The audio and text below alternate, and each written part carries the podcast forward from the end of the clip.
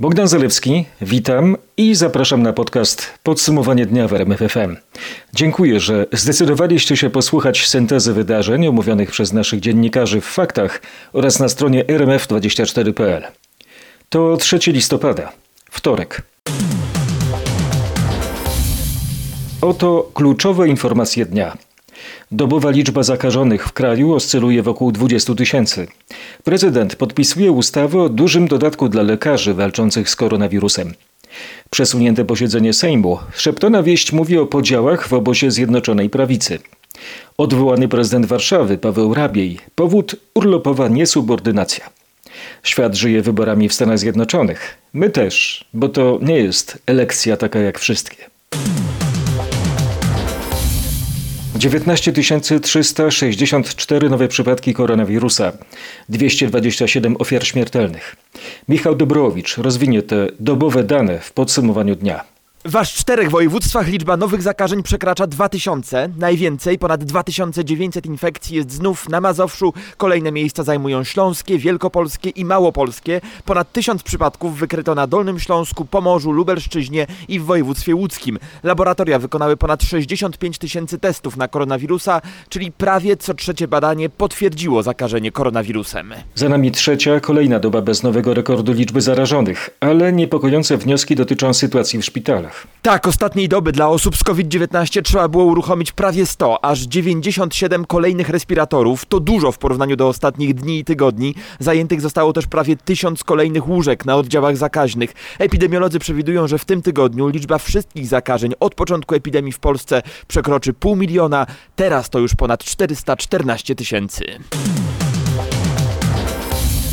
Prezydent Andrzej Duda podpisał nowelizację ustawy covidowej. Wprowadza ona m.in. dodatki w wysokości 100% wynagrodzenia dla pracowników służby zdrowia zaangażowanych w walkę z epidemią. Minister zdrowia chce wysłać żołnierzy do pilnowania wolnych łóżek w szpitalach covidowych. Adam Niedzielski poprosił o pomoc szefa MON Mariusza Błaszczaka.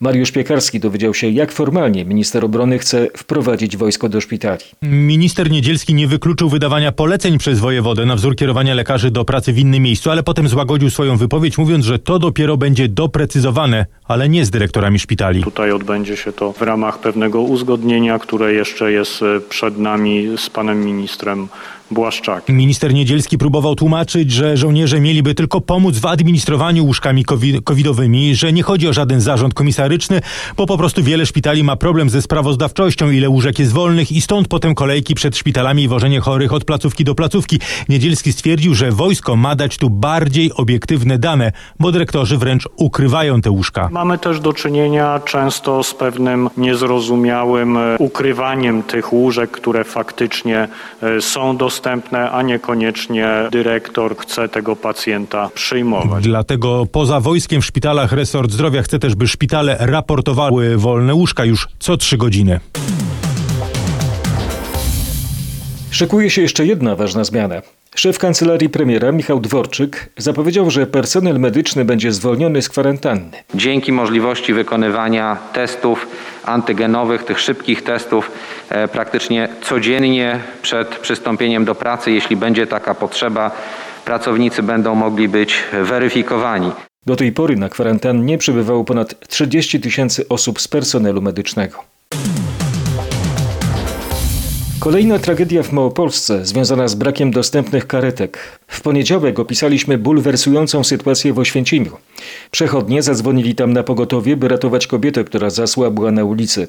Żadna karetka nie mogła jednak przyjechać. Wszystkie były zajęte pacjentami z koronawirusem. Do podobnej sytuacji doszło w Tarnowie. W podsumowaniu dnia Marek Wiosło. 76-latek w nocy dostał ataków duszności, miał też wysoką gorączkę. Rodzina od razu wezwała pomoc. Jak się okazało, w okolicy nie było żadnej dostępnej wolnej karetki. Wszystkie zespoły ratownictwa były zajęte. Część z nich oczekiwała przed szpitalami na przyjęcie pacjentów. Do mężczyzny wezwana została straż pożarna. Po 40 minutach na miejsce dojechała karetka, ale mimo reanimacji mężczyzny nie udało się uratować. Sytuacja jest coraz gorsza, mówi Krzysztof Krzemień z Tarnowskiego Pogotowia Ratunkowego. Szpitale niestety no też są przepełnione. więc y, te czasy y, przewidywania przyjęcia pacjenta wahają się niekiedy od kilkunastu minut do kilkunastu godzin. Oprócz braku wystarczającej liczby zespołów ratunkowych, problemem są także zakażenia i konieczność kwarantanny wśród samych ratowników medycznych. Największym problemem jest uregulowanie organizacji opieki zdrowotnej. W ostatnich tygodniach mieliśmy dużo zmian. Zwraca uwagę prezes Polskiego Towarzystwa Epidemiologów i Lekarzy Chorób Zakaźnych, profesor Robert Flisiak. ludziom się trudno, mówię o, o pracownikach opieki zdrowotnej na różnych e, poziomach, przystosować i zrozumieć i podążać za tymi zmianami. Nawet ja e, nie nadążam momentami, bo tak szybko następują, więc potrzebna nam jest stabilizacja w przepisach. E, Potrzebne jest uruchomienie mm, e, oddziałów pokowidowych. O tym ja mówię od marca. Teraz pojawiły się sygnały, że idzie to wszystko w tym kierunku. Każdy szpital musi mieć oddział obserwacyjny, który w niektórych przypadkach będzie oddziałem pokowidowym, dla innych będzie oddziałem obserwacyjnym, e, który umożliwi funkcjonowanie, e, opiekę nad e, pacjentami z innymi chorobami poważniejszymi, którym przyklejono łatkę COVID. Tak więc oddziały obserwacyjne, czyli w alternatywnej wersji pokowidowe są koniecznością. No i to, co jeszcze nas niepokoi mm, przy tej wzrastającej liczbie mm, zachorowań, e, e, braki remdesiviru, które stają się realnym e, ryzykiem, czyli jedynego zarejestrowanego leku przeciwwirusowego w COVID-19. To już jest problem ogólnopolski czy lokalny na razie? Nie, to jest problem ogólnopolski od dwóch, trzech tygodni, e, może miesiąca, a w tej chwili m, płyną niepokojące sygnały o możliwej, możliwym nawet zmniejszeniu liczby zakupów przez Polskę. Co musiałoby się wydarzyć, żeby rozwiązać ten problem? No po prostu trzeba kupić więcej leku. Ten lek jest na świecie, w Europie? A No jest w Polsce, e, tylko że mamy, powiedzmy, balansujemy na granicy, e, na granicy ilości potrzebnej. Jeżeli będzie dalej wzrastała liczba e, zachorowań chorych, którzy potrzebują, kwalifikują się do tej terapii, a jednocześnie będzie zmniejszana liczba e, ilość zakup, zakupowanego leku, no to możemy mieć sytuację, gdzie będziemy musieli wybierać między pacjentami. Z profesorem Robertem Flisiakiem rozmawiał Michał Dobrowicz.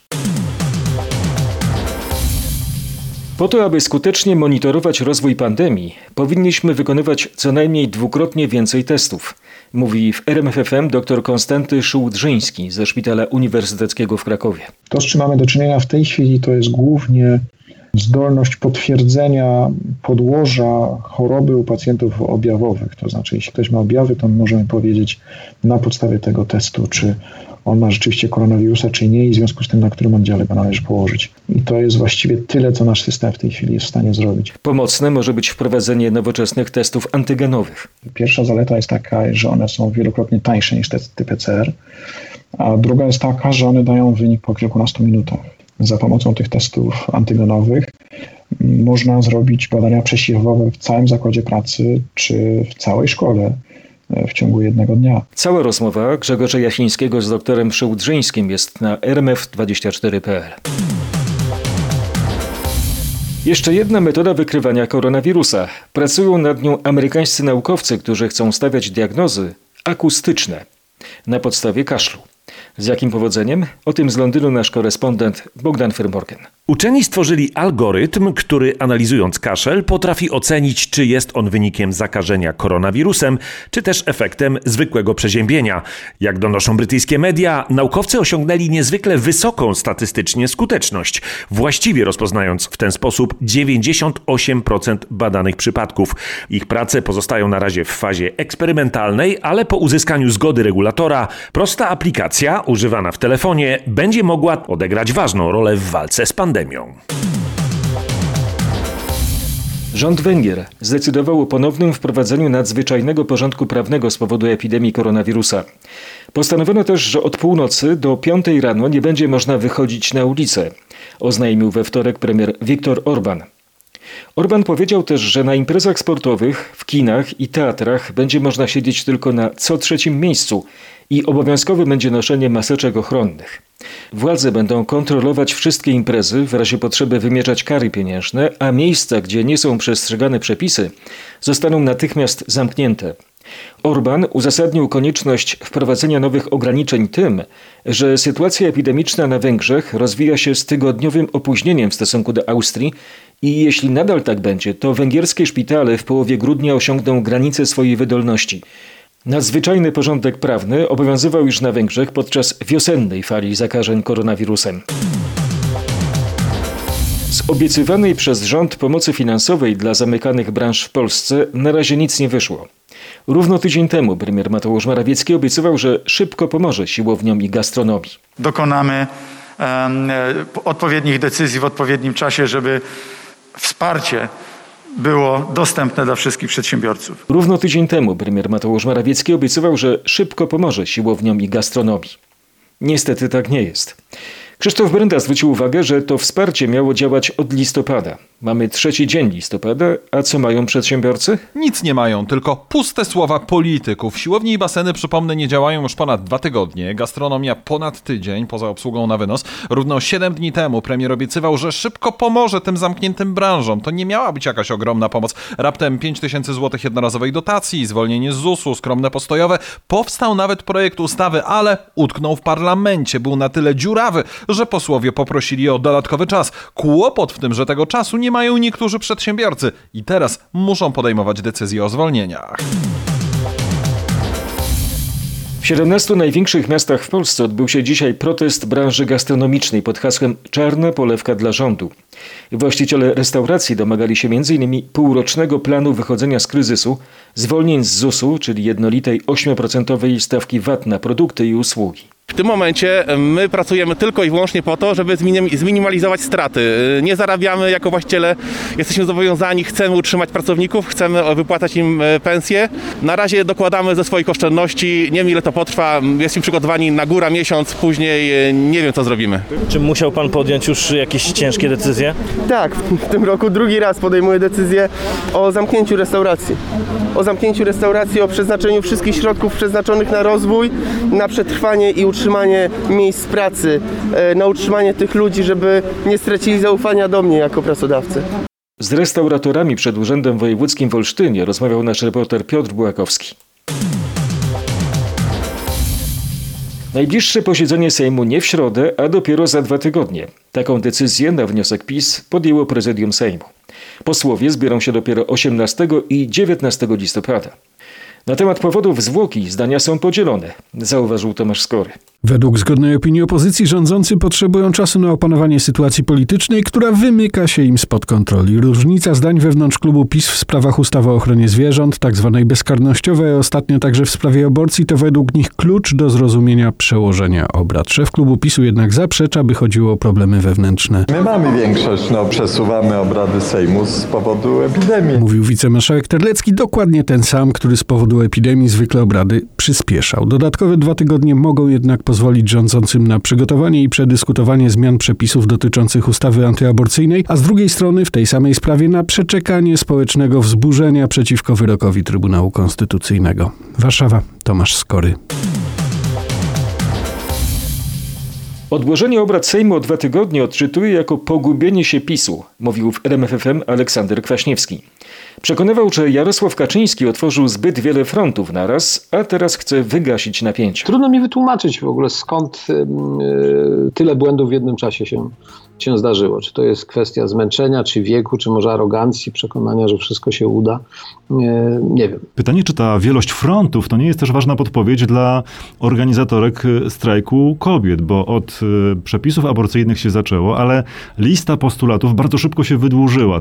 Czy ta wielość frontów, która tutaj się pojawiła, też nie jest czymś, co sprawi, że te protesty za chwilę po prostu nie będą się mogły skończyć sukcesem? Oczywiście, oczywiście, że tak. Zasada nie otwierania zbyt wielu frontów walki dotyczy wszystkiego i wszystkich. To nie ja wymyśliłem, to wymyśleli naprawdę wielcy strategzy. Aleksander Kwaśniewski i Marcin Zaborski. Polecamy całą rozmowę na rmf24.pl.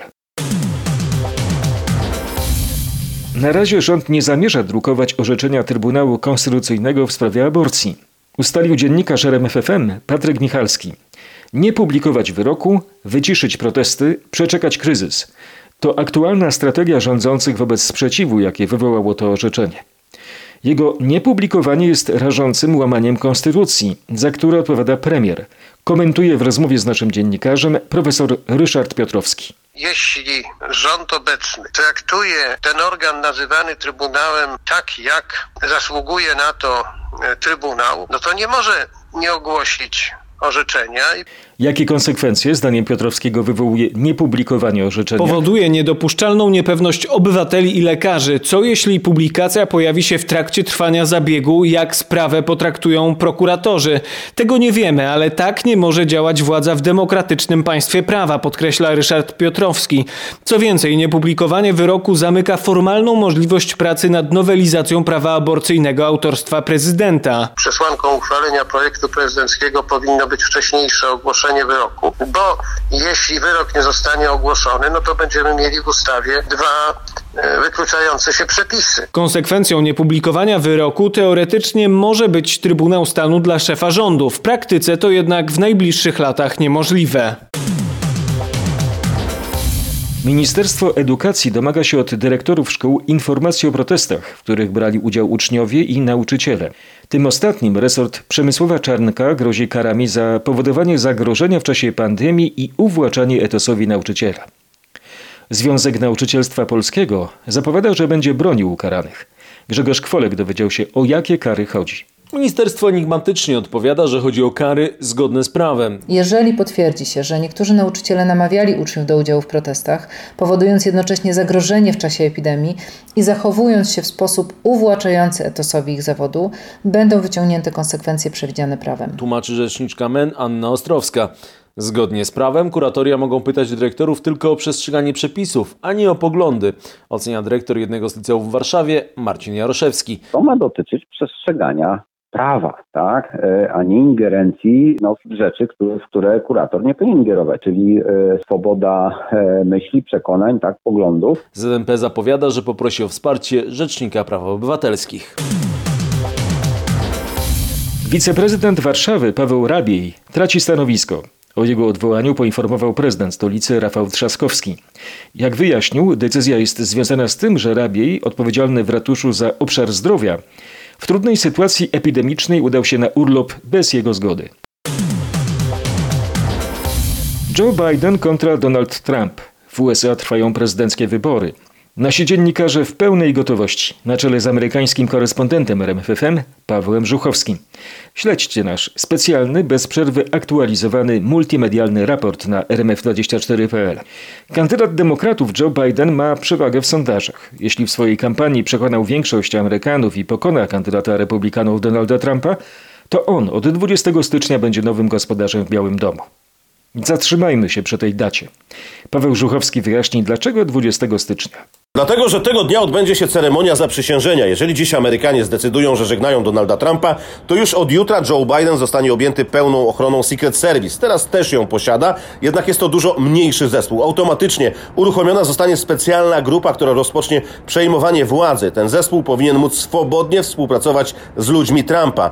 Urzędujący prezydent zgodnie ze zwyczajem powinien zaprosić zwycięzcę do Białego Domu. Joe Biden e, będzie otrzymywał wszystkie pełne raporty, tak jak prezydent od CIA czy choćby FBI.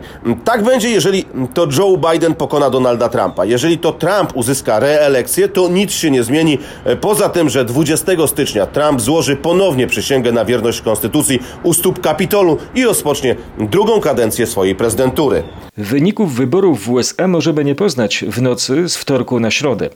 Ponad 100 milionów osób zagłosowało w ramach wczesnego głosowania. To może być największa frekwencja od 100 lat. Wszystko na to wskazuje. To też wybory, których wyniki bardzo trudno przewidzieć. Joe Biden jest faworytem, jednak nawet jego zwolennicy mają wątpliwości, czy to on ostatecznie wygra. Oh, Connor, what's your thought, hun? Who do you think's gonna win? To osoby, które rano spotkałem przed lokalem wyborczym w Arlington, stanie Virginia. Wszyscy mają w pamięci wybory 4 lata temu, gdy stawiano na Hillary Clinton, a wygrał Donald Trump. Ten młody człowiek, który pierwszy raz brał udział w głosowaniu, postawił na Bidena. Dodał jednak, że nie zdziwi się, jeżeli wygra Donald Trump.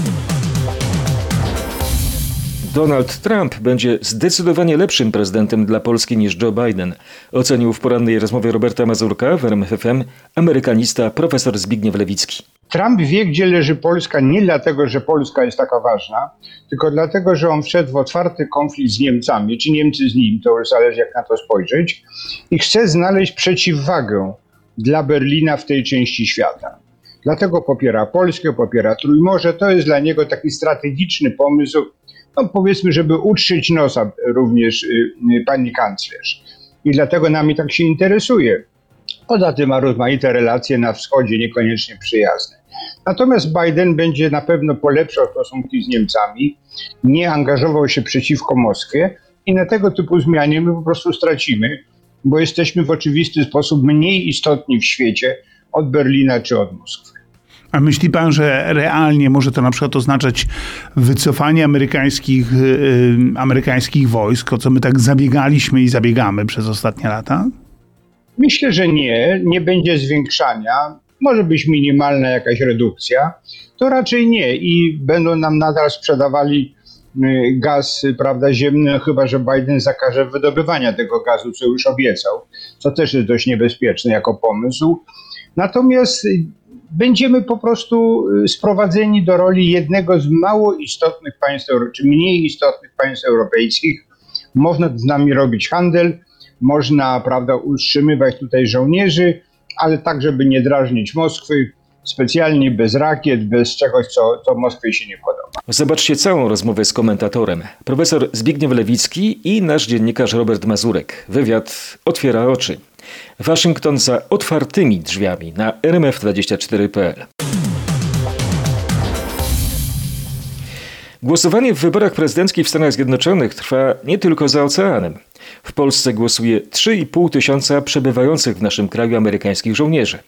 Szczegóły zna nasza reporterka Aneta Łuczkowska. Jak to wygląda w praktyce? Czy stworzono lokale wyborcze? Nie, lokali wyborczych tam, gdzie stacjonują żołnierze US Army nie ma. Mają oni dwie drogi oddania głosów w wyborach. Mogli zamówić pakiety wyborcze albo zagłosować online. Wszystko zależy od tego, z jakiego stanu pochodzą. Jeśli ktoś zamówił pakiet wyborczy, dziś jest ostatni dzień, by go odesłać. Aby oddany w ten sposób głos był ważny, pakiet musi dotrzeć za ocean w ciągu dwóch tygodni. Do głosujących w Europie pakiety dotarły w pierwszej połowie października. Czasu na wypełnienie i odesłanie było więc dużo. Odświeżajcie stale stronę rmf24.pl z amerykańskim prezydenckim raportem. Informacje spływają tam na bieżąco. Oto garść liczbowych danych. Niemal 100 milionów Amerykanów zagłosowało przedterminowo, w tym korespondencyjnie. Liczba ta stanowi ponad 72% całkowitej frekwencji z wyborów w 2016 roku. Kluczowe znaczenie dla ostatecznego wyniku wyborów będą miały stany wahające się. W tym roku zaliczane są do nich najczęściej Floryda, Pensylwania, Michigan, Wisconsin, Karolina Północna, Iowa oraz Arizona. Rzadziej Georgia, Teksas oraz Ohio.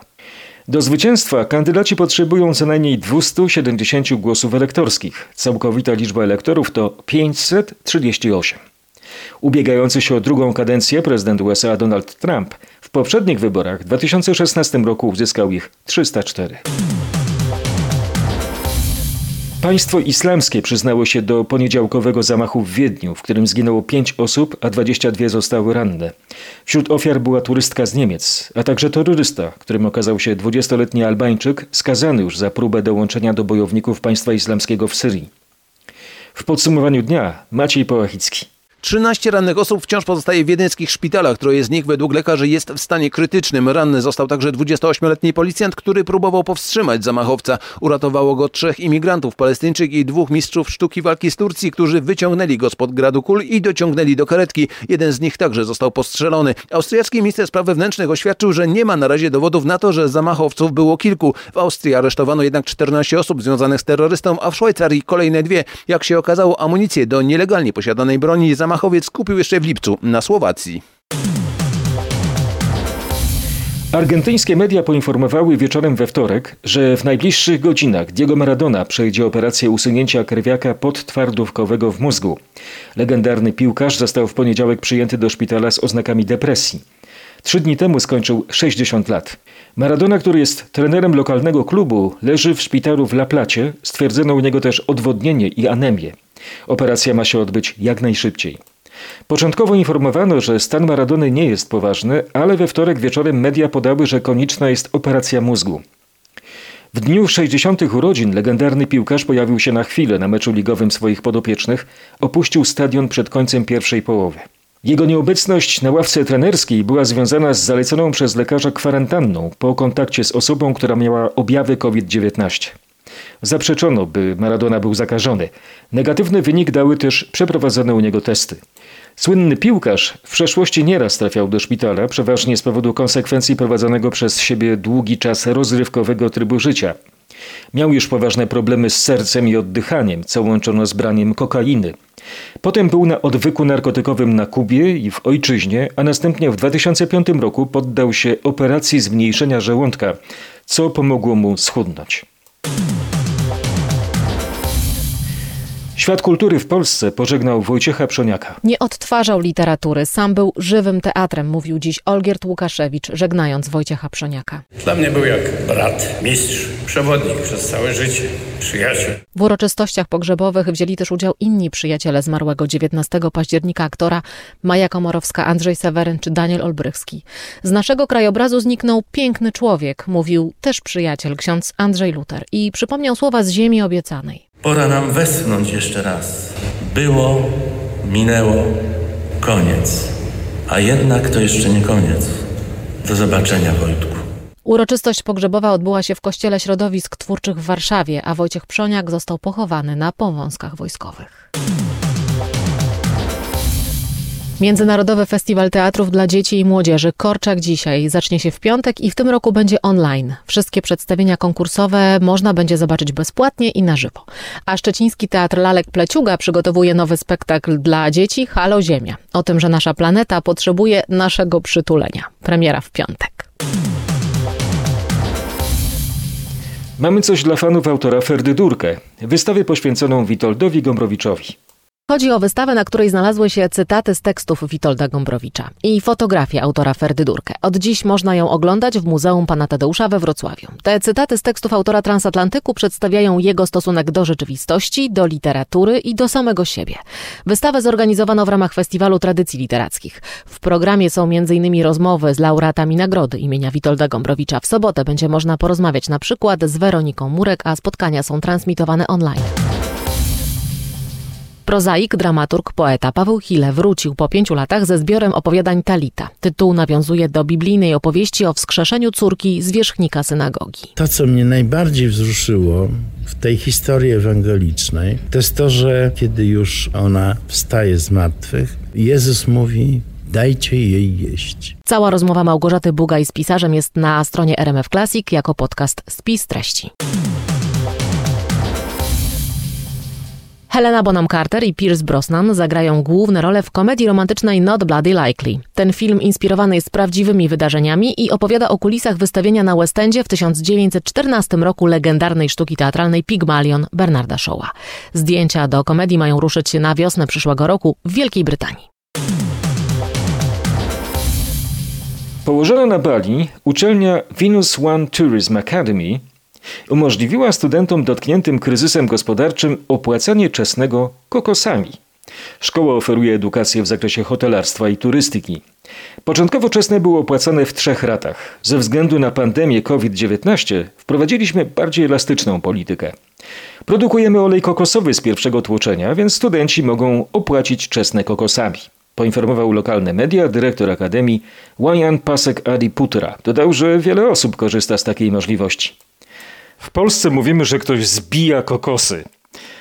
W znaczeniu, że ktoś zarabia dużo pieniędzy. Ale trzeba jechać na Bali, żeby tą walutą zapłacić e, za edukację. Codziennie się człowiek czegoś uczy. Pewnie w środę też tak będzie. Bogdan Zalewski, kłaniam się i zapraszam na kolejne podsumowanie dnia w RMF FM. Bądźcie zdrowi.